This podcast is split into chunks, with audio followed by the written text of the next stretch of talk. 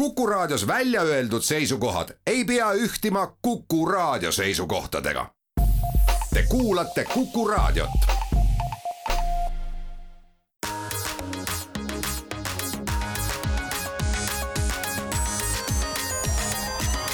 digitund. digitunnile ja digimaailmale annab hoogu Telia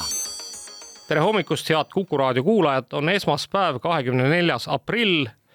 ja Digitund alustab. stuudios on meil Indrek Vaheoja, Mait Tafenau ja Andrus Raudsalu ja saate teises pooles liitub meiega ka Telia juht Holger Haljand, kellega räägime rohelisest energiast, mis hakkab toitma meie mobiiltelefone. nii et saate helistada siis nii palju, kui torust tuleb, ilma et teie süsiniku jalajälg kasvaks aga lähme kõigepealt uudiste juurde ja traditsiooniliselt siis mõned äh, turvateadaanded, et äh, kõigepealt siis meeldetuletus kõigile, kes kasutavad äh, Google'i Chrome'i brauserit Äh, uuendage kindlasti oma brauserit, Google lasi möödunud nädalal välja juba teise siis nullpäeva turvanõrkuse paranduse, nii et mida täpselt seal brauseris siis teha on võimalik, seda isegi ei ole vist teada, aga igatahes tasub oma brauser ära uuendada. mulle tundub natukene, et neid Chrome'i uuendusi tuleb äh, viimasele samasuguse põhjusega, eks ju, sageli ja peaks vist ütlema, et teate, et ära isegi ütle seda sõna enam uuendada, lihtsalt restartige aeg-ajalt oma Google'i brauserit ja kõik on hästi. no tegelikult on seal isegi ju see nupp, et mis hakkab sulle näitama, et update'i oma brauserit. mis on õige, kui te seda näete, siis järelikult ei ole te piisavalt sageli restart'i teinud oma Chrome'i brauserile mitte arvutile, aga brauserile. vajutage nuppu, see teeb ka brauserile restardi sisuliselt. aga nüüd teine oluline uudis äh, on siis äh, suunatud Maci kasutajatele, nimelt äh, noh, kui Mac on olnud siiamaani ikkagi suhteliselt turvaline keskkond, noh, ütleme, et arvutiviiruste, igasuguse krüpto ja lunavara valdkonnas, siis eh, noh, just ilmselt selle tõttu ka, et, et ei ole olnud tegu nüüd nii laialt levinud platvormiga kui Windows. Ja noh, ütleme, et mõned inimesed ikkagi ütlevad, et ta on ka natuke turvalisem kui Windowsi kood, noh, mine nüüd võta kinni, eks me ei ole eksperdid siin seda arvustama, aga igatahes eh, möödunud nädalal tuli siis uudis, et eh, Lockbiti nimeline krüptovarakartell on siis esimest korda jäänud silma sellega, et nad hetkel katsetavad, vist veel ei ole seda kuskil levikusse saadetud, koodi, mis siis on spetsiifiliselt mõeldud äh, Mac OS-iga arvuteid ründama. Ja võib öelda, et Apple'il on hästi läinud, arvuteid on palju ja mida rohkem midagi on, seda rohkem on ta ka atraktiivne nagu kõigile pahalastele aga midagi teha pole, selline see maailm on ja teisest küljest ei saa ju öelda, et jätke ostmata, tegelikult on ju head arvutid, eks. ja kuulge, aga lähme siit õnnitluste juurde, et äh, tuleks siis, ma ei tea, et äh, Finland twelve points või mida tuleks öelda, et igatahes no,. tegelikult, kui me arvestame nüüd äh, prognoose, siis tuleb öelda ikkagi natukene vähem, et Finland nine points, seepärast et ma kohe-kohe ütlen, et miks see niimoodi on seepärast, et eh, noh, meil on teada, et Sega andis teada, et ostab ära Soome siis mängu eh, tootmisfirma Rovio seitsmesaja kuue eh, miljoni euro eest, aga prognoosid olid miljardi peale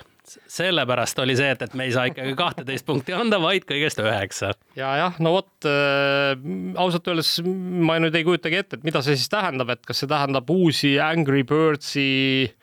mänge kuidagi segavalt välja tulemas. ma ausalt öeldes isegi ei oska öelda, et mida Rovio viimasel ajal teinud on. kogu see mängumaailm on tegelikult niisugune, ei tahaks öelda, et kiirmoe business, aga, aga et kuidagi nagu tuli mingi Angry Birds, kadus mingi Angry Birds, et, et kas keegi täna üldse mäletab, et mis see, mida see Rovio veel korda on saatnud, eks? no neid äh, erinevaid mobiilimänge siis äh, sellesama Angry Birdsi frantsiisi alt ikkagi ilmub ja seal on äh, a la tehtud selliseid mänge nagu Candy Crush saaga lihtsalt nende linnukestega ja nii edasi ja nii edasi, et, et see on ikkagi täiesti elujõus frantsiis veel, et, et ta ei ole kuskile kadunud. kuulge, aga mängumaailmast ma jätkaks siinkohalt ka sellise uudisega, et Äh, Netflix, äh, noh, kes ei ole ju väga tuntud mängutootja veel siiski, kuigi me oleme siin mõned korrad ka eelnevalt rääkinud juba Netflixi mängudest, siis Netflix palkas endise siis äh, loovjuhi, kes on tootnud Halo ja Destiny, mis mõlemad on ikkagi vägagi tuntud mängufrantsiisid. Äh, nii et äh, on oodata siis ilmselt Netflixilt ühte uut ja vägevat mängu ja kusjuures ennustatakse, et see on juba siin lähiajal tulemas, noh kuskil kas selle aasta lõpus, järgmise alguses. nii et, äh, nii et, nii et pöidlad pihku, aga muuseas. ma usun, ma usun ka Sega, Sega ei ostnud ju omale Roviot niisama tõenäoliselt, esiteks tahab tõesti, ma arvan, sealt Angry Birdsist välja pigistada midagi rohkem ja teine asi on selles, et ega need Rovio teised mängud võivad saada ka natukene boost'i juurde tänu sellele ja, ja, ja noh, lisaks tõenäoliselt ka know-how'd, nii et seega no mobiilimängud on ikkagi teema maailmas ja. nüüd ja praegu, et nii et, et eks seda know-how'd kindlasti ostetigi. kuule, aga ma nüüd jällegi keeraks ikkagi Netflixi juurde tagasi, et, et ka Netflixist oli möödunud nädalal ikkagi üsna mitu uudist, et äh, esiteks, äh, mis mind pani imestama, tuli välja see, et Netflixi siis reklaami vaatavate kasutajate kasutajatest saadav kasu siis Netflixi jaoks või ütleme siis see kätte jääv raha on suurem kui maksvatest kasutajatest juba täna. mis tegelikult tähendab seda, et tõenäoliselt Netflix siis noh, ma ei tea, hakkab, hakkab aina rohkem seda reklaamiusku pöörduma, muuseas siis seda toetab ka see, et kui vanasti siis need reklaami vaatavad kasutajad nägid siis äh, suhteliselt kehva resolutsiooniga pilti ehk, ehk siis seda niinimetatud HD-d äh, ehk seitsesada kakskümmend B pilti, siis nüüd näidatakse neile full HD pilti, tuhat kaheksakümmend B ja, ja noh, ütleme, et äh, siin tõenäoliselt Äh, me näeme seda, et Netflix hakkab aina rohkem ja rohkem üle võtma ka siis ütleme, võib-olla sellist äh, traditsioonilist tele, televisioonilaadset turgu, kus ikkagi äh, kogu asi on üles ehitatud reklaami peale. tõsi küll, noh, üks asi neil ebaõnnestus ka möödunud nädalal, nimelt siis möödunud nädalal oli plaanis Netflixi siis teine ajaloos siis suur live stream Äh, mis ikkagi äh, noh, mingil põhjusel kukkus siis äh, täiesti noh, kuidas ma nüüd ütlen,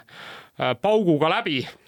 ja kõigepealt öeldi, et viisteist minutit väikest pausi, siis kohe läheb kõik edasi, aga loomulikult ei läinud midagi ja, ja siis kahjuks siis anti teada jah, et, et see, see lõbu seekord jääb ära. see oli Love is blind oli selle sarja nimi ja selle reunion oleks pidanud olema. just ja, ja siit võib-olla lõpetuseks veel üks siis Netflixi uudis, nimelt siis Netflixi kahekümne viiendal aastapäeval, kahekümne üheksandal septembril sulgeb Netflix ühe teenuse, mis te arvate, mis teenusega on tegu? no DVD-plaatide laenutamine ikkagi. just nii naljakas, kui, kui see ka ei ole, aga siiamaani ka veel täna, noh, tõsi küll, mitte Eestis, aga Ameerikas on võimalik endale Netflixist DVD-plaat koju tellida. ja need äh, summad olid ikkagi päris äh, korralikud, mis, millest seal räägiti, kuigi okei okay,, viimasel ajal nagu trend on, on loomulikult äh, languses, aga, aga me räägime sealt ikkagi mingitest kümnetest miljonitest, mis, mis selle teenusega teenib. ma arvan, et ka Eestis tegelikult on väga palju inimesi, kes vaatavad DVD-sid, et kui te lähete isegi poodi, on võimalik ju täitsa palju endale filme osta ja ja noh, midagi teha pole, meie siin raadios räägime küll kõikidest uutest asjadest, aga tavalised inimesed on tihtipeale ka sellised, kellel ei ole olnud tahtmist neid uut, uusi striimiteenuseid tarbida põhjusel või teisel, tahavad neid DVD-sid ikkagi ise omada, kümme korda vaadata mugavalt ja mis iganes muul põhjusel. Plaate omal ikkagi masinasse päriselt panna, samal põhjusel ostetakse neid ju ka vinüüle. aga Netflixi koha pealt võib-olla ma nii palju korraks veel ütleks, et nende äh, nüüd erinevates riikides testitud äh, kasutajate piiramise Äh, aktsioonid on väga hästi läinud just selles mõttes, et, et siis äh, nende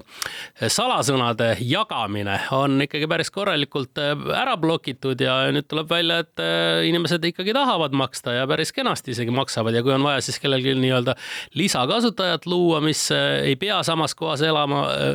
ja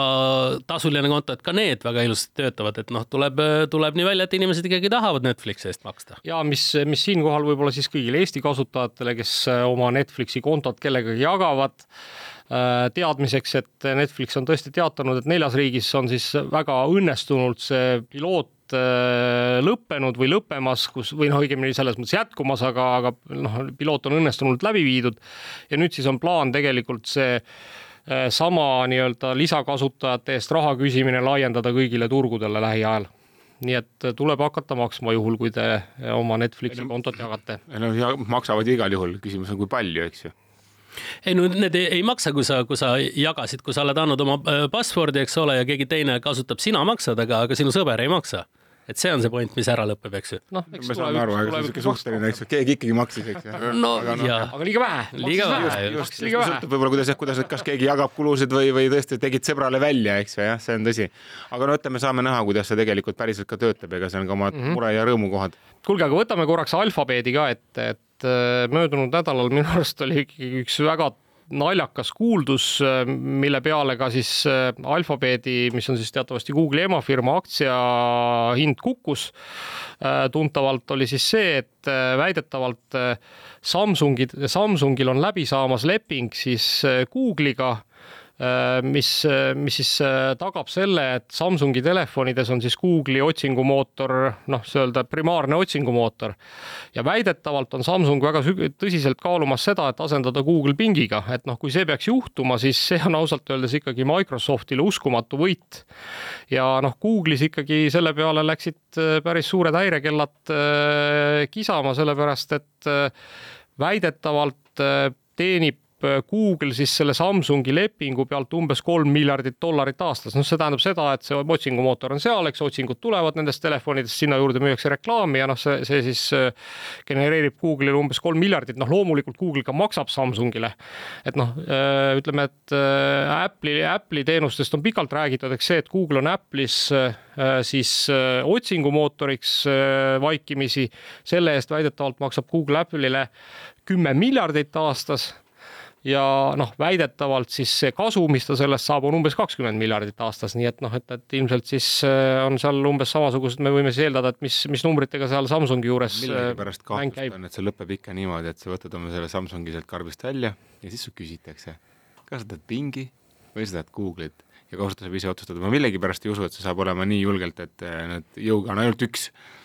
ja nüüd on ainult teine no vot, mine tea, ega noh, lõppkokkuvõttes ega selles mõttes, kui keegi selle eest maksab, eks, kui Samsungile makstakse, noh, ütleme, et kui me selle Apple'i analoogi siin toome, on ju noh, me nüüd täiesti spekuleerime, eks, et siis Samsung võiks ju teenida selle pealt umbes poolteist miljardit aastas ma arvan, et poolteist miljardit ei olegi väga väike raha, et, et äh, abiks ikka on ju raskel ajal. ei muidugi, aga no lihtsalt seal on see palju asju, et esiteks noh, operatsioonisüsteemi arendab ju tegelikult Google ja me saame küll ju aru, et noh, tegelikult ei tohiks äh, kuidagi see nagu omavahel mõjutatud olla, aga teisest küljest äh, seal on kindlasti ikkagi nagu teatud nagu. ei, ma arvan, ma arvan, et tänapäeva maailmas seda on väga raske mõjutada, et, et möödunud nädalal muuseas näiteks tõi uudise ka Ühendkuningriigist siis, kus Äh, Google on täiesti selgelt kohaliku siis tarbija, äh, siis Konkurentsiameti ja tarbija või Tarbijakaitseameti survel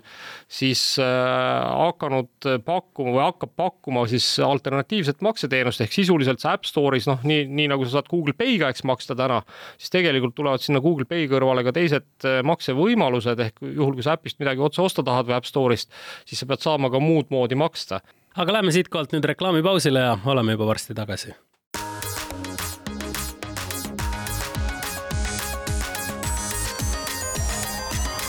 Digitund. digitunnile ja digimaailmale annab hoogu Telia digitunni teine veerand alustab stuudios jätkuvalt Mait Tafenau, Indrek Vaheoja ja Andrus Raudsalu. ja nii nagu me rääkisime eelmises äh, veerandis erinevate asjade muutusest või ärakeelamisest, siis jätkame sellel samal lainel.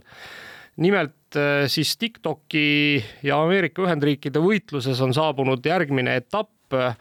Montana osariik on vastu võtnud seaduse, noh, siin tuleb küll vist öelda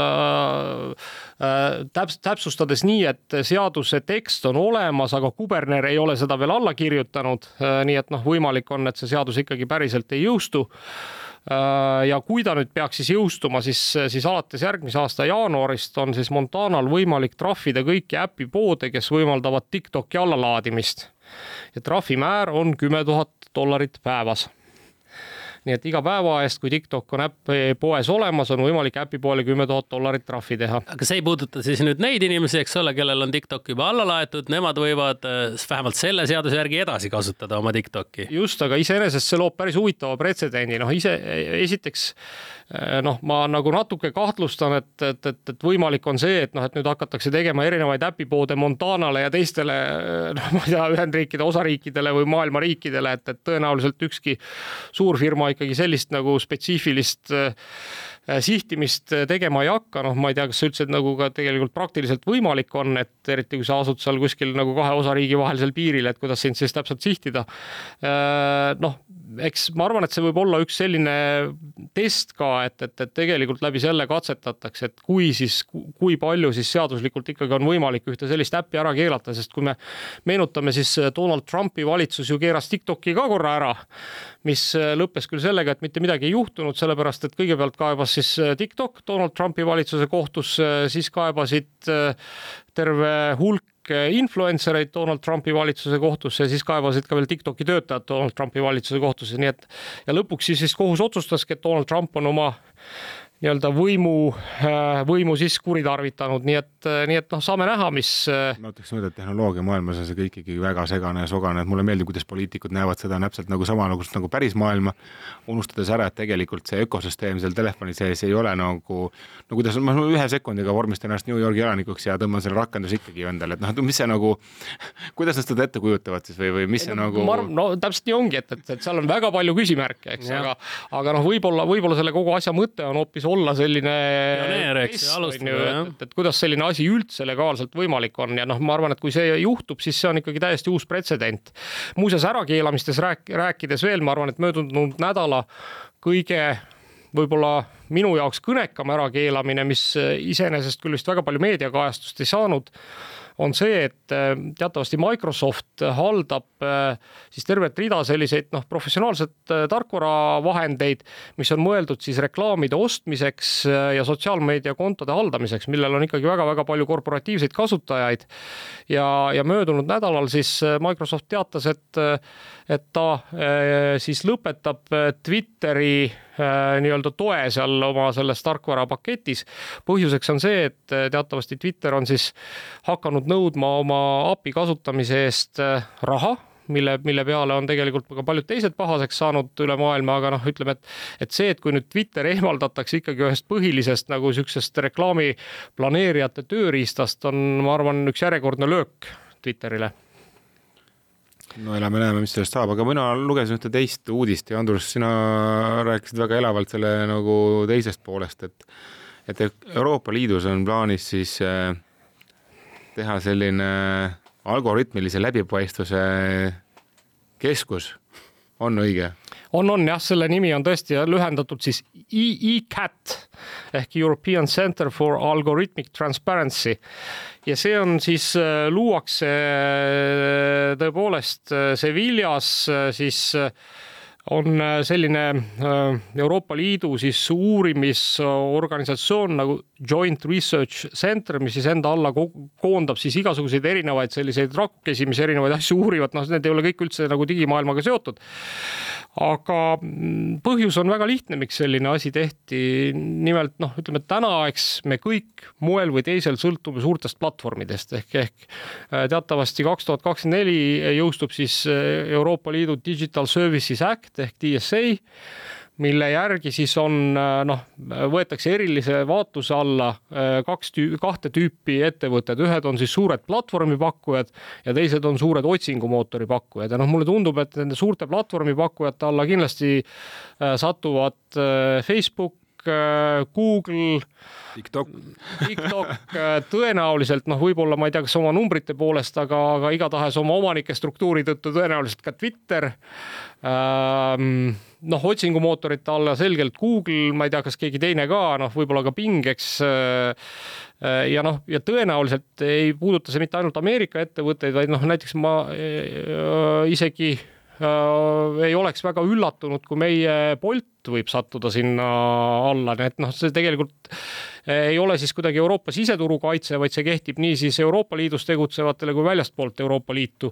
Euroopa Liidus teenuseid müüvatele ettevõtetele. ise siis otsustavad või keegi kuskil otsustab? ei, ei, seal on, seal on ikkagi selles mõttes, selles samas Digital Services Actis on pandud ikkagi piirmäärad ette, eks, et seda ma saan aru, et kes on juhul sa siis oled, on ju. pigem on küsimus selles, et kõiki neid juurida ei jõua, et noh, millegi alusel hakatakse neid platvorme valima. ja, aga loomulikult, aga noh, täna ongi ju see probleem see, et need platvormid on kõik meie jaoks nagu mustad kastid, eks me tegelikult ei tea, mis seal sees toimub. tegelikult ei ole ühtegi inimest, kes suudaks öelda, et kuidas need andmed seal sees liiguvad, mida nende andmetega tegelikult tehakse, kuidas teid, kuidas meid kõiki seal profileeritakse ja nii edasi, et et noh, selge on see, et see töö ei saa olema neil kerge eriti arvestades seda, et vaata, küsimus on selles, kuidas nad selle uurimistöö peavad läbi viima, et kas nad siis äh, saavad selle koodi endale välja nõuda, millisel kujul nad selle koodi kätte saadavad, kes see kontrollib, et see kood, mis neile anti, on päriselt see kood, mis Äh, käigus no, on, eks ju, ja kõik nii edasi. eks see asutus ise hakkab nende küsimustega tegelema, ma arvan, on kõige õigem vastus, et no, ega me ei teagi praegu no, neid täpselt. selge on see, et, et tegu on ühe siukse noh, ma ei tea, Sisyphose tööga, eks, aga, aga, aga noh, ütleme, et, et, et, et siis sisuliselt noh, ma arvan, et hea on, et selline asi on olemas et parem, noh, ütleme igatahes parem kui see, et teda ei oleks ja see on nagu ilmselt esimene pääsuke. Euroopa Liit on tõenäoliselt noh, võib-olla ainuke üldse noh, võib-olla USA kõrval ainukene nagu noh, koht maailmas, eks, kus sellist asja, noh, kellel on piisavalt ressursse ja noh, ütleme, et ka piisavalt tahtmist, eks, et, et noh, Hiinal võib-olla oleks ka piisavalt ressursse, aga noh, seal on see tahtmine on natuke teistmoodi kanaliseeritud, muuseas palju, palju paremini ilmselt jälgitakse ka mingite ettevõtete tööd kui, kui nagu kuskil vabas maailmas. aga, aga ütleme siis nii, et, et, et Euroopa Liit on jah, ainukene piisavaid ressursse omav Äh, siis ühendus ja, ja, ja see on väga hea, et, et ikkagi mingisugune vaade sellele tekib, noh vaata kunagi tundusid ka kõik andmekaitse inspektsioonid nagu mingisugune tüütu moodustis, kes noh, kuidagi nagu segab, segab äri tegemist ja, ja, ja, ja nii edasi, aga noh, täna, kui sa selle peale mõtled, et et kas sa siis ikkagi tahaksid, et sinu andmed liiguksid ilma igasuguse kontrollita ükskõik no, kuhu? see on tegelikult samasugune küsimus, et kas sa tahaksid elada riigis, kus pole ühtegi seadust tõenäoliselt tegelikult ei tahaks, eks ju, aga internet on see, et vanasti ta oli niisugune pisikene, seal tegelesid ainult entusiastid ja kõik oli väga tore, eks ju, aga noh, mingil hetkel on saanud sellest meie elu ja, ja tänaseks on saanud sellest lausa nagu kuidas ma siis ütlen, siis keskkond, mis mõjutab absoluutselt kõikide riikide tegelikult ju ka toimetulekut, inimeste teadmisi, mis info kuskil levib ja kõike muud. ja noh, teine, teine pool, teine pool tegelikult sellest on just see, millest me siin võib-olla see aasta iga, praktiliselt iga digi, noh, mitte praktiliselt, vaid iga digitund oleme rääkinud, on tehisintellekt Äh, noh, mis on täpselt samasugune must kast ja, ja samamoodi me ei tea tegelikult, mis seal sees toimub, me ei tea, kui turvaline ta on ja nii edasi ja noh, see on nüüd ilmselt see teine suur siis tööpõld, mis, mis sedasama siis ICAT-i nagu ees ootab. igal juhul ma arvan, põnev on sellel asutusel silm peal hoida ja vaadata, mis sealt siis tulema hakkab, et kuhu nad jõuavad, et kindlasti tuleb sellel teemal ka juttu ja saame sellest veel rääkida. ja, aga lähme siit võib-olla siis äh, teiste tehisintellekti teemadega edasi, nimelt äh, äh, siis noh, ütleme, et maailma üks suurimaid platvorme, Snapchat, on siis tõenäoliselt esimene noh, ütleme sellise kasutajate hulgaga platvorm ajaloos, kes asa, avab siis kõigile oma kasutajatele ligipääsu tehisintellekti chatbotile, et selle nimi on siis My ai varem oli see saadaval äh, Snapchati umbes kolmele miljonile siis äh, premium kasutajale, kes siis oma äh, konto omamise eest ka Snapchatile raha maksavad. Aga nüüd siis on see saadaval kõigile umbes seitsmesaja kuuekümnele või seitsmesaja kaheksakümnele miljonile Snapchati kasutajale, kes neil on. ja noh, ma arvan, et see on selles mõttes pretsedenditu, et, et noh vaatamata sellele, et noh, ma ei tea, chat GPT on saadaval ja nii edasi, et noh, see on ikkagi mingisugune koht, kuhu sa pead minema, okei okay,, pingeks, noh, mis ei ole veel tegelikult inimeste arvutites igal pool, et mis on ka mingite testijate arvutis esialgu ainult. noh, saab olema ka samasugune tegelikult plahvatus aga noh, tegelikult on üks nii-öelda nüüd, nüüd kasvab peale üks põlvkond inimesi, sest me just arutasime siin ennem äh, saadet ka, et, et kes teab mõnda Snapchati kasutajat. noh, minul tegelikult noorem laps oli Snapchati kasutaja, nüüd ta ta enam ei kasuta. Nagu Instagram, Instagrami üle kolinud, et ilmselt on nagu liiga vanaks saanud juba aga, aga, aga noh, ütleme, et äh, no, seitsesada kuuskümmend miljonit neid kasutajaid on, et noh. see, noh, ütleme, et enamasti maailmas vist kehtib niisugune rusikareegel, et, et äh, kolmeteistaastaseks saamisega nagu avaneb inimesele ka Snapchati account. ja, ja noh, ja siis äh, kõik need noored inimesed, kes seal siis on, on tegelikult esimene põlvkond ilmselt, kes kes noh, keda, kelle kohta võib siis öelda, et nii nagu noh, põlvkond enne neid või kaks põlvkonda enne neid olid need, kes kasvasid üles sotsiaalmeediaga, siis nemad tegelikult kasvavad üles koos tehisintellektiga jah, see ütleb, Snapchat võib-olla nagu isegi ei ole selles enam see mängureegel, et tehisintellekt peab olema igal pool, et nii Office'is, eks ju, ja ja, ja brauserites ja mis iganes tööriistades ja kohtades, kuhu me läheme, et selles mõttes tõesti uus põlvkond, kellel on uued töövahendid ja kui te praegu mõtlete, et see Z-generatsioon oli nagu teistsugune, siis oodake, kuni järgmine põlvkond jällegi sirgub. Ja kusjuures, kusjuures rääkides nagu sellest, et mis ikkagi täna nagu tehakse äh, siis nende suurte keelemudelitega, et et soovitan no, otsida niisugust märksõna nagu auto GPT, et, et, et seal toimub päris huvitavaid eksperimente praegu, kus ikkagi on nagu noh, ütleme, et viimane äh, huvitav eksperiment, äh, kus ma nägin siis, kus üks inimene väitis, et ta on kahesaja rea, noh, mitte siis ütleme koodireaks on seda ilmselt vale nimetada, aga noh, nii-öelda siis need chat GPT promptid, et kahesaja siis selle käsureaga, mis siis sellele saab ette anda, on suutnud luua äh, sellise struktuuri, mis saab ligi kõikidele interneti andmetele oskab ise kirjutada vastavaid API ühendusi, et neid andmeid tõmmata, oskab neid ise analüüsida ja oskab ükskõik mis, mis noh, maailmas olemasoleva data kätte saada ja selle põhjal erinevaid järeldusi teha. minu arust oli see tüüp veel ei olnud ka progeja ise ja koodi kirjutaja, vaid ta oli noh, lihtsalt osav ja nutikas tüüp kui ma nüüd õigesti mäletan. no just. aga me läheme siitkohalt nüüd reklaamipausile ja oleme juba hetke pärast tagasi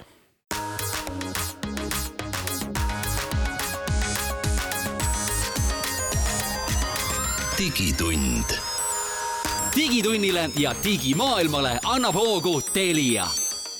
jätkub Digitunni kolmas veerand ja stuudiosse on jäänud Indrek Vaheoja, Mait Tafenov ning Andruse asemel on nüüd meiega liitunud Telia juht Holger Haljand, kellega räägime sellest, kuidas telefoniga rääkimine ja telefoniga internetis käimine saab olla süsinikuneutraalne ehk rahvakeeles roheline. Holger, mida hetkel teete? tervist! tõesti, nii ta on, et eks meie telekomi võrk ju ongi elektrienergia peale üles ehitatud nii-öelda ja me juba tegelikult aastaid ostame kogu oma elektrienergiat äh, rohelistest taastuvatest allikatest, et siin viimane suur projekt just sai eelmine aasta alguse, kus me Leedu äh, tuulepargist enamus oma energiat kõik otse ostame, et, et võimalikult täpselt veel aru saada, kust see tuleb, et see ei oleks mingi abstraktne roheline energia, et ta tuleb nagu täpselt sealt. aga nüüd see järgmine samm on tõesti tulla veel lähemale ja, ja, ja kasutada seda nagu koha peal tekitatud energiat ja sellepärast me paigaldame nüüd oma mobiilimastide juurde päikseparke.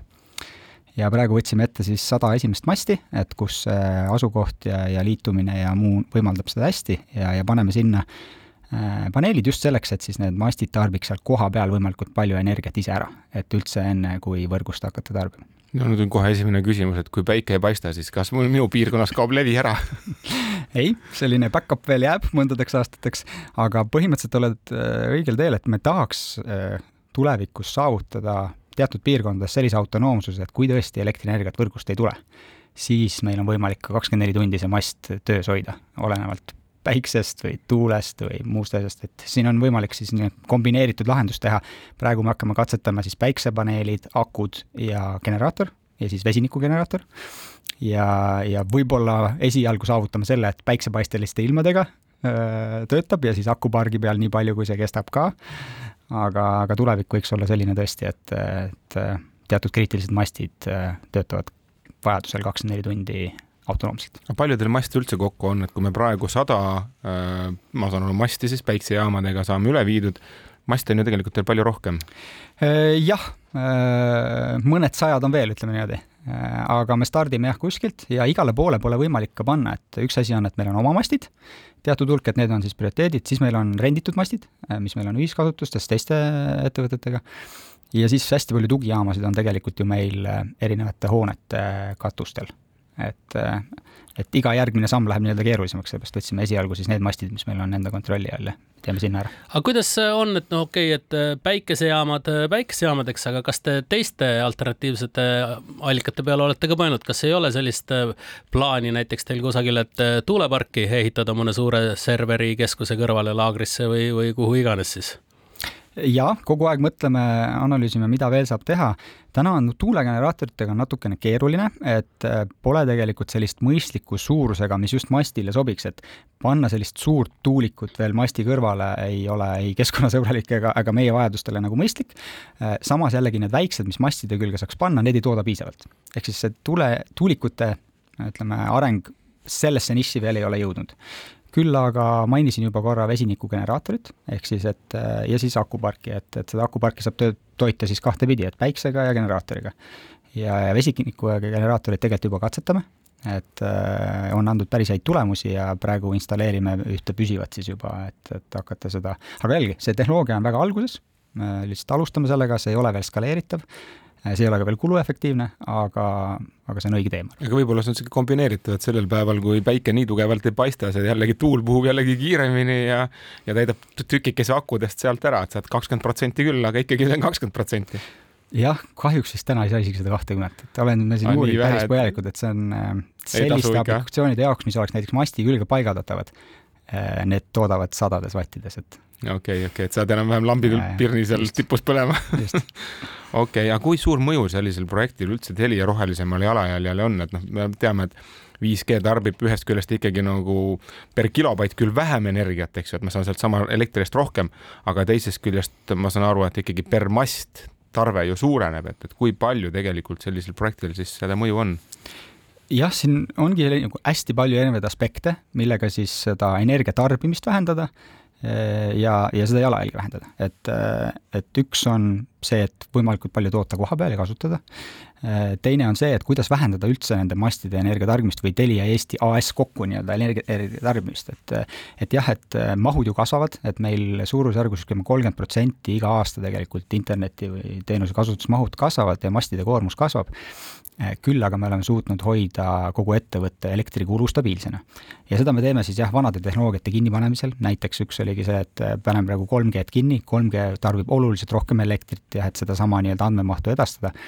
ja anname need ressursid nii-öelda 5G kasutusele ja tegelikult kvaliteet paraneb, elektri eh, tarbimine on palju efektiivsem.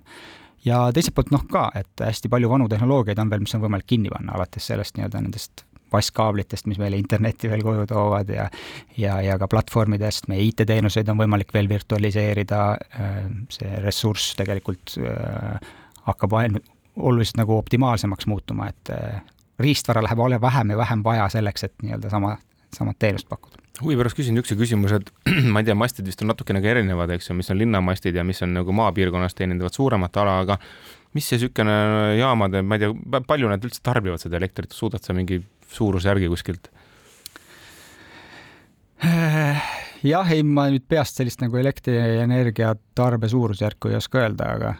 aga see on, nagu ma ütlesin, et see on meie nagu üks olulisem või suurim kuluallikas, sellepärast jah, me oleme sellise infrastruktuuri ülevalhoidja, et ühelt poolt on need mastid, teiselt poolt on kogu see kaabelvõrk, mis meil on, siis meil on kogu IT-infrastruktuur nende IT-teenuste jaoks, mida me pakume, ehk siis me töötame tegelikult kõikide nende eraldi tükkidega, et kuidas seda optimeerida, kuidas vähem elektrienergiat kasutada. no üks näide võib-olla veel, mis siia tuua nende mastide suhtes, on see, et et nad on ka targad, et nad näevad, et kui sul äh, elek-, nagu selle masti kohane tarbimine väheneb, siis nad suudavad ka ennast nagu osaliselt välja lülitada ja elektrienergiat vähem tarbida. noh, näiteks öösel või mingitel perioodidel, kus, kus seal mingil põhjusel ei ole see on küll päris huvitav, mina kogu aeg mõtlesin, et mobiilimast on sihuke konstantne, et ta muudkui pritsib seda internetiühendust meile kõigile ja ja üldse sõltumata sellest, kas seal keegi tarbib seda äh, elekter ikka kulub, eks ju, aga. ja, ja kunagi nii ta oligi ja kunagi nii oligi. aga nüüd, kui mahud aina kasvavad, siis ka tegelikult tootjad otsivad neid lahendusi, et kuidas, kuidas äh, seda kasutust optimeerida ja elektritarvet tegelikult kõikidel suurtel ettevõtetel on täna see ülesanne maailmas, et vähendada ju oma jalajälge ja no elekter on selgelt üks suurimaid nii-öelda jalajälje tekitajaid. eks ühelt poolt me saame jah, taastuvenergiat tekitada, aga teiselt poolt me peame pidevalt tegelema selle nagu tarbimise vähendamisega. aga kui suured käärid sul üldse on, et noh, ma ei tea, päevane või ma ei tea, võtame tipptund õhtul, ma kujutan ette, tööpäev saab läbi, kõik lähevad koju, noh, eriti ma arvan, noh, linnapiirkonnas on ikka valdavalt äkki. võtame Tallinna kesklinna näiteks. jah, ma arvan, et seal ei ole tegelikult, seal ikkagi tuleb kaabel, eks, ma olen suht kindel, aga lähme kuskil natukene kasulast välja, võtame Jüri, eks ju, ma arvan, et seal on päris palju inimesi, kellel ikkagi seda kiiret kaablit koju ei tule ja sa saad seal mobiilimastist tõenäoliselt kiiremini. nüüd lähme koju peale tööpäeva lõppu, panen Netflixi käima. tõenäoliselt see tarve ikka läheb päris palju üles ja võrdleks seda korraks ööga, et kui suured käärid nüüd sellel päeval ja ööl on no see on ikka kordades äh,, osades kohtades isegi kümnetes kordades. ja Tallinna kesklinn on jah, võib-olla selline huvitav näide, et seal need nii suured ei olegi, need käärid, sest et päeval toimub seal äritegevus, õhtul toimub seal siis nii-öelda meelelahutus. aga just näiteks äh, väiksemad piirkonnad linnast väljas, seal õhtul kasvab tõesti mõnes kohas kümnetes kordades äh, tarbimine just sellepärast, et tullakse koju, hakatakse televiisorit vaatama. ja, ja need kohad veel, mis võib-olla televiisor käib üle mobiil, mobiilimastide, noh siis see tarbimine kohe hüppeliselt kasvab. ja siis ta loomulikult äh, ütleme seal niimoodi kella ühest võib-olla öösel või hommikul, kuidas seda nimetatakse, seal hakkab siis langema ja, ja siis jälle hommiku kuuest hakkab tõusma. kusjuures tavalise televisiooniga vist on lihtne, eks ju, selles mõttes, et eh, klassikaline telemast edastab kogu aeg pilti, eks ju, kogu aeg tuleb sama signaal, kõik, kes tahavad kuulata, noh, kuulavad seda signaali ja näevad pilte, eks ju. aga minu arust selle IP-televisiooniga nüüd on see häda, et iga vaatajal on oma ühendus seal vist ei ole ühtegi tehnoloogiat, mis nagu jagaks seda kuidagi, et, et mina ja Indrek, kui me korraga vaatame sama kanalit, et, et topelt andmesideühendust ei toimuks, ta ikka läheb eraldi, mõlemal on oma kanal, eks. Jah, aga eks seal on ka tegelikult neid arenguid toimub ja me katsetame tegelikult, äh, meil on lahendusi ka, kus, kus, kus saab seda optimeerida. Et ei oleks päris igaüks omaette. just, ja lisaks noh, on, toimub juba ammu tegelikult ka kvaliteedi optimeering, et noh, selles piiris, mis ei tohiks nagu silma häirida, aga aga, aga seal ka, kui need jah, kui tõesti seda masti on, maste on alati nagu hästi kallis ehitada selle maksimaalse kasutuse hetke jaoks, on ju. Mhm. aga noh, ja siis me peamegi vaatama, et mis juhul me peame selle, selle ressursi sinna varuma, aga mis juhul me saame võib-olla seda kasutust sel hetkel siis nagu optimeerida me läheme siitkohalt nüüd reklaamipausile ja jätkame juba hetke pärast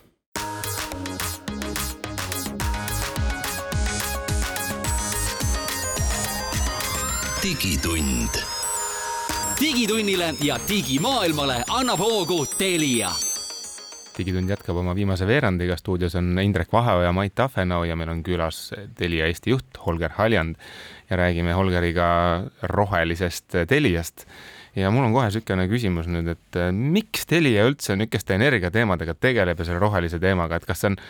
kas ma natuke provotseeriks, et, et kas tegemist on sellise siis äh, majandusliku projektiga, kus Telia üritab kallitelt energiahindadelt raha säästa või, või...? no jutt ju oli, et kolmandiku võrra praktiliselt iga aasta öö, siis kuidas see oli, et ühesõnaga energiatarbimine jääb samaks, aga, aga noh, kolmandik, mahud kasvavad. just, just, ja vaata elektrihinnad on jällegi läinud kolossaalselt kallimaks, et võib-olla on minu arust puhtast majanduslik või on ikkagi Telia ise tahab olla rohelisem, sest noh, teisest küljest ma ei ole küll Eestis näinud väga suurt roheliikumist, et oi-oi, et see ettevõte on nagu nii musta jalajäljega selle teenuseid me ei tarbi, et noh, niisugust nagu Mobiili... ühiskondlikku survet ei ole olnud. mobiilimasti külge keegi veel kleepinud ennast ei olegi, nii loodame, et seda ei tulegi, aga võib-olla Telia ennetab seda, eks ju, et ma ei tea, kas te teate midagi, mida me ei tea või saame ikkagi majandusprojekt? Ei no tegelikult me teame kõik seda, küsimus on, et äh, kes teadvustab ja kes mitte, et äh, teaduslikult on tõestatud, et meie planeet sellist tarbimist, sellist tarbimise kasvu lihtsalt ei kannata välja. ja kui sellest nagu natukene uurida ja seda endale teadvustada, siis noh, ma ei näe, et oleks üldse võimalik kuidagi muud moodi oma äritegevust teha ja eelkõige kõige suurem, ma arvan, vastutus on siin suurettevõtetel, kes peavad näitama seda eeskuju, sest et mida suurem sa oled, seda rohkem sa mõjutad, seda suurem su jalajälg on ja seda rohkem inimesi sa mõjutad läbi oma töötajate, läbi oma klientide, äh, läbi oma partnerite, seda eeskuju näidates, vajadusel ka mõjutades oma tarneahelaid, et siis ainult on võimalik seda pööret teha või, või siis seda nii-öelda jalajälje vähendamist tegelikult hakata üldse rääkima, praegu me ju pigem ju maailmas ikkagi kõik kasvame kogu aeg sellest. ja üks lihtsalt suuremaid allikaid selleks on see elektrienergia tootmine. ja meie kui üks suur tarbijaid ka siin, meil on selge vastutus, me saame mõjutada ja me usume sellesse ja me peame sellega tegelema kas nüüd sellel majandusefekt, jah, vahel on, aga samas jällegi täna vaatame, elektrihinnad on nullis või miinuses, siis jälle ei ole. see on tegelikult mingisugune teisejärguline teema ja, ja peakski olema nii, et ka kõik see, mida me teeme nüüd planeedi heaks, see peab mingi hetkel ka ärimudeli mõttes hakkama ettevõtetele kasulik olema, sest et ma olen täitsa nõus, et kõik ei saa endale lubada seda, et nad investeerivad rohkem selleks, et olla rohelisem. ja, ja seda oli kriisi ajal nagu hästi näha, et see ongi hästi raske otsus. aga kui korra nagu lihtsalt seda suurt pilti vaadata, ennast välja suumida ja me saame aru, et see planeet lihtsalt ei kesta, me peame ise midagi tegema, noh siis need nagu prioriteedid saavad nagu hästi lihtsalt paika ja, ja sellepärast ma sellega tegelen. Telia on suur ettevõte ka ja ma arvan, et see mõju tegelikult on täitsa nagu ikkagi märkimisväärne, eks. kas teil on mingid eesmärgid ka pandud, et, et mis ajaks te peate saama mingisuguse tulemuse sealt kätte või, või kuidas te mõõdate oma tulemuslikkust sellises valdkonnas?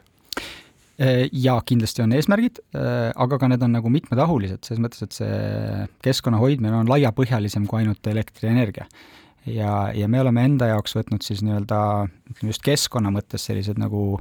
kolm eesmärgistatud suunda, et üks on jah, kogu, mis on energiaga seotud, ehk siis sellest me juba rääkisime, et mida me saame ise toota, eh, kuidas me saame energiat vähendada, kust me saame osta, et ta oleks päriselt roheline ja taastuvenergia allikatest,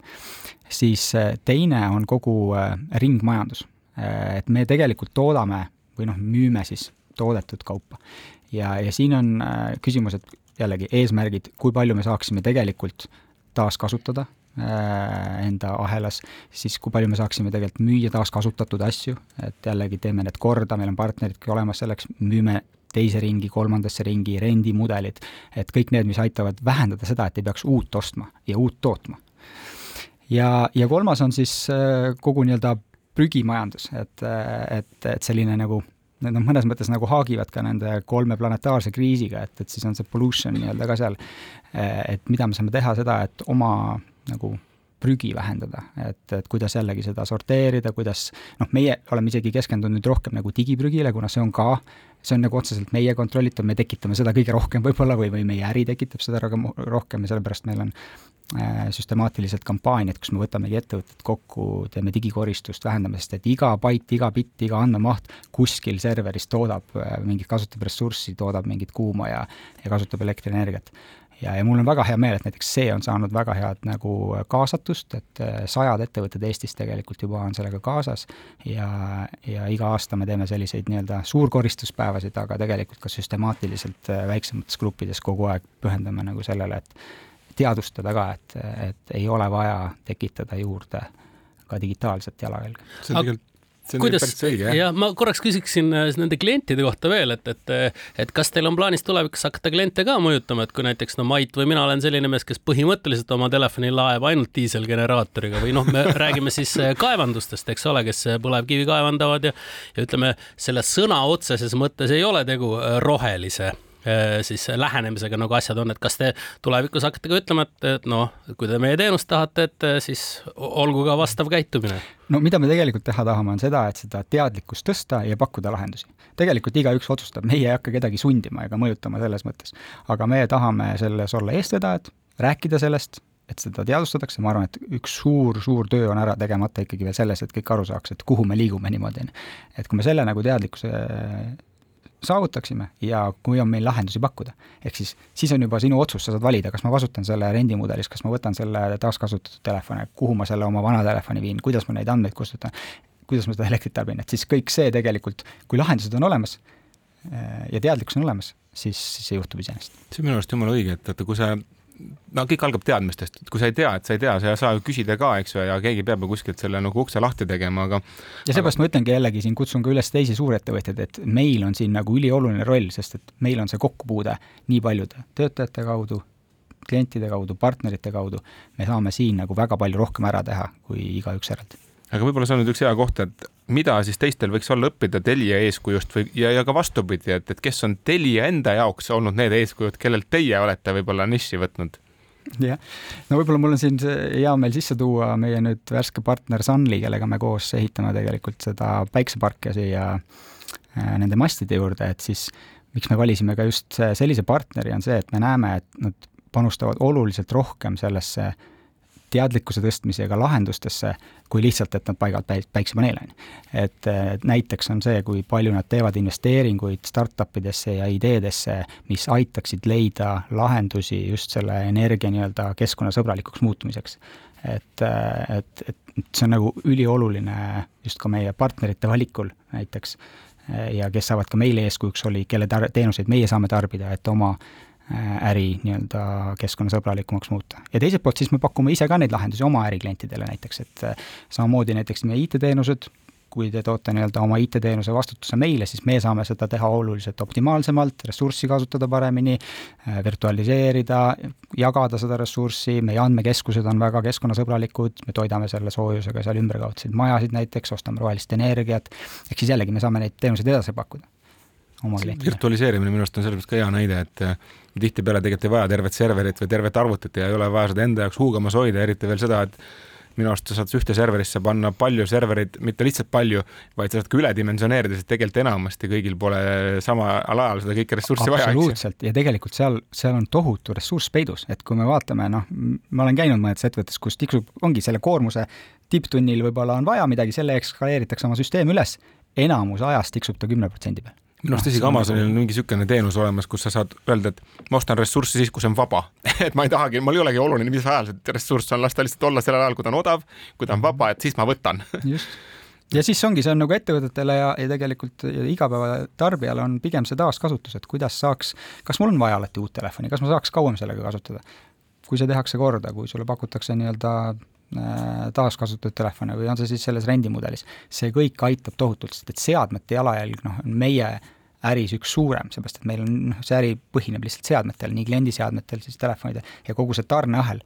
kust need seadmed tulevad, kuidas nad siia jõuavad. et me oleme juba piisavalt suured, me saame seda mingil määral mõjutada, jah, mitte neid kõige gigantsemaid, aga me saame seda teist öö, äh, otsa just väga palju mõjutada, kus me võtame need seadmed tagasi, teeme nad korda, anname uuele ringile kusjuures mina olen küll väga nagu seda meelt, et alati ei pea olema kõik kõige viimasem, et mulle küll tehnoloogia inimesena meeldib,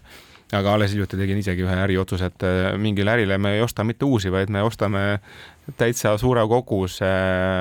kasutatud äriseeria arvuteid, sellepärast et see funktsioon, mida nemad peavad täitma, sobib suurepäraselt ja see on põhimõtteline otsus, et noh, milleks sa paned üledimensioneeritud masina kohta, kus ei ole vaja. ma võin võtta mõne ka varuks, eks ju, puhuks, kui seal peaks mingi kriitiline olukord tekkima, aga noh, tõenäoliselt tegelikult ei teki, need masinad on mõeldud tegelikult töötama palju pikemat aega. aga paari sõnaga, kes on see Sunly, miks te valisite Sunly? Mina ei ole neist kunagi midagi kuulnud, et, et, et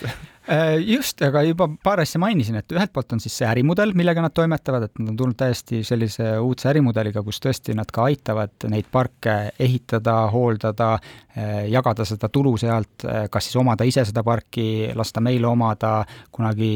mingisuguse pikema väljaostumudeliga, et see on hästi paindlik ja see aitab tegelikult palju lihtsamaks, teeb seda kasutuselevõttu. et sul ei pea olema alati alginvesteeringut või sa ei pea muretsema selle hoolduse pärast või et see oleks kõige paremad lahendused. et, et see on nagu hästi hea ja siis teine pool, noh, mis on võib-olla isegi olulisem meie valiku puhul, on see, mida nad veel teevad oma äriga et kuidas nad üritavad leida neid uusi tehnoloogiaid, kuidas nad kogu aeg katsetavad, otsivad uusi partnereid, investeerivad neisse, aitavad neid nii-öelda Äh, RD-s või nii-öelda innovatsioonis, et neil oli vist praeguse seisuga üks kuusteist investeeringut erinevatesse nii-öelda startup idesse, mis aitavad leida taastuvenergia lahendusi uue just innovatsiooni läbi ja uue tehnoloogia läbi.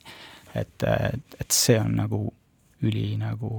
tunnustatav. aga kuivõrd lihtne on äh, saada sellist, okei okay,, ma saan aru, et siin sada esimest äh, masti, need on kindlasti välja valitud spetsiaalselt, ma mõtlen äh, just kokkuleppeid selleks, et kuule, nüüd siia meie masti juurde, nüüd tuleb ka päikesepaneelide park. ega Eesti inimene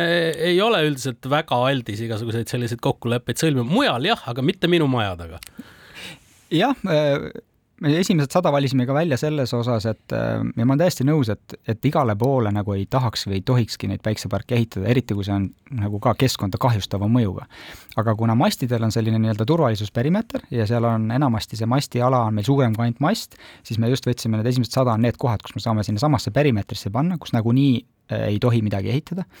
Eh, ehk siis ta oleks ka nagu oma paigalduse mõttes nagu keskkonnast nagu keskkonda arvestav. ja maa on ka reserveeritud, eks, et ja. seal ei ole ka küsimust see, et oi, siin saaks ju põldu pidada, et just. ega ikka ei saa küll, eks. just, just, et vot see on ka nagu hästi oluline, et kui neid asju nagu paigaldatakse, noh nagu näitekski koju, et, et ma parema meelega panen ta ikkagi katusele, sellepärast et, et noh, see, see ei muuda seda keskkonna jalajälge kuidagi, versus kui ma paneks ta omale ikkagi näiteks põllumaale, võtaks sealt kuskilt mingi maa-ala ära, kus oleks võib-olla mingid linnud või, või, või midagi kasvaks. või saaks toitu kasutada, eks ju. aga kesklinna olud, ega need, nendega ka ei ole väga kerge neid päiksepaneele ju paigaldada? jah, eks siin tuleb selliseid kombineeritud lahendusi leida ja, ja mulle meeldib ka see, et kui me nagu lähme näiteks elektritranspordi peale linnas, ja siis toodame seda elektrit linnast väljas äh, taastuvenergiaallikatel. Ja siis laeme sellest, et siis see ongi selline kombinatoorika, et et kuidas vähendada ka seda nagu saastet, õhusaastet ja kuidas seda teha siis nagu olenevalt äh, asukohast, et kus me toodame, kus me kasutame. Ja ega tingimata ei pea olema täpselt kõrval, eks ju, samamoodi. meil oleks juttu veel palju, aga kahjuks äh, kell kaksteist siin pressib peale. täna oli meil külas Telia juht Holger Haljand, aitäh, et tulid meile külla ja kohtume sinuga edaspidi veel. aitäh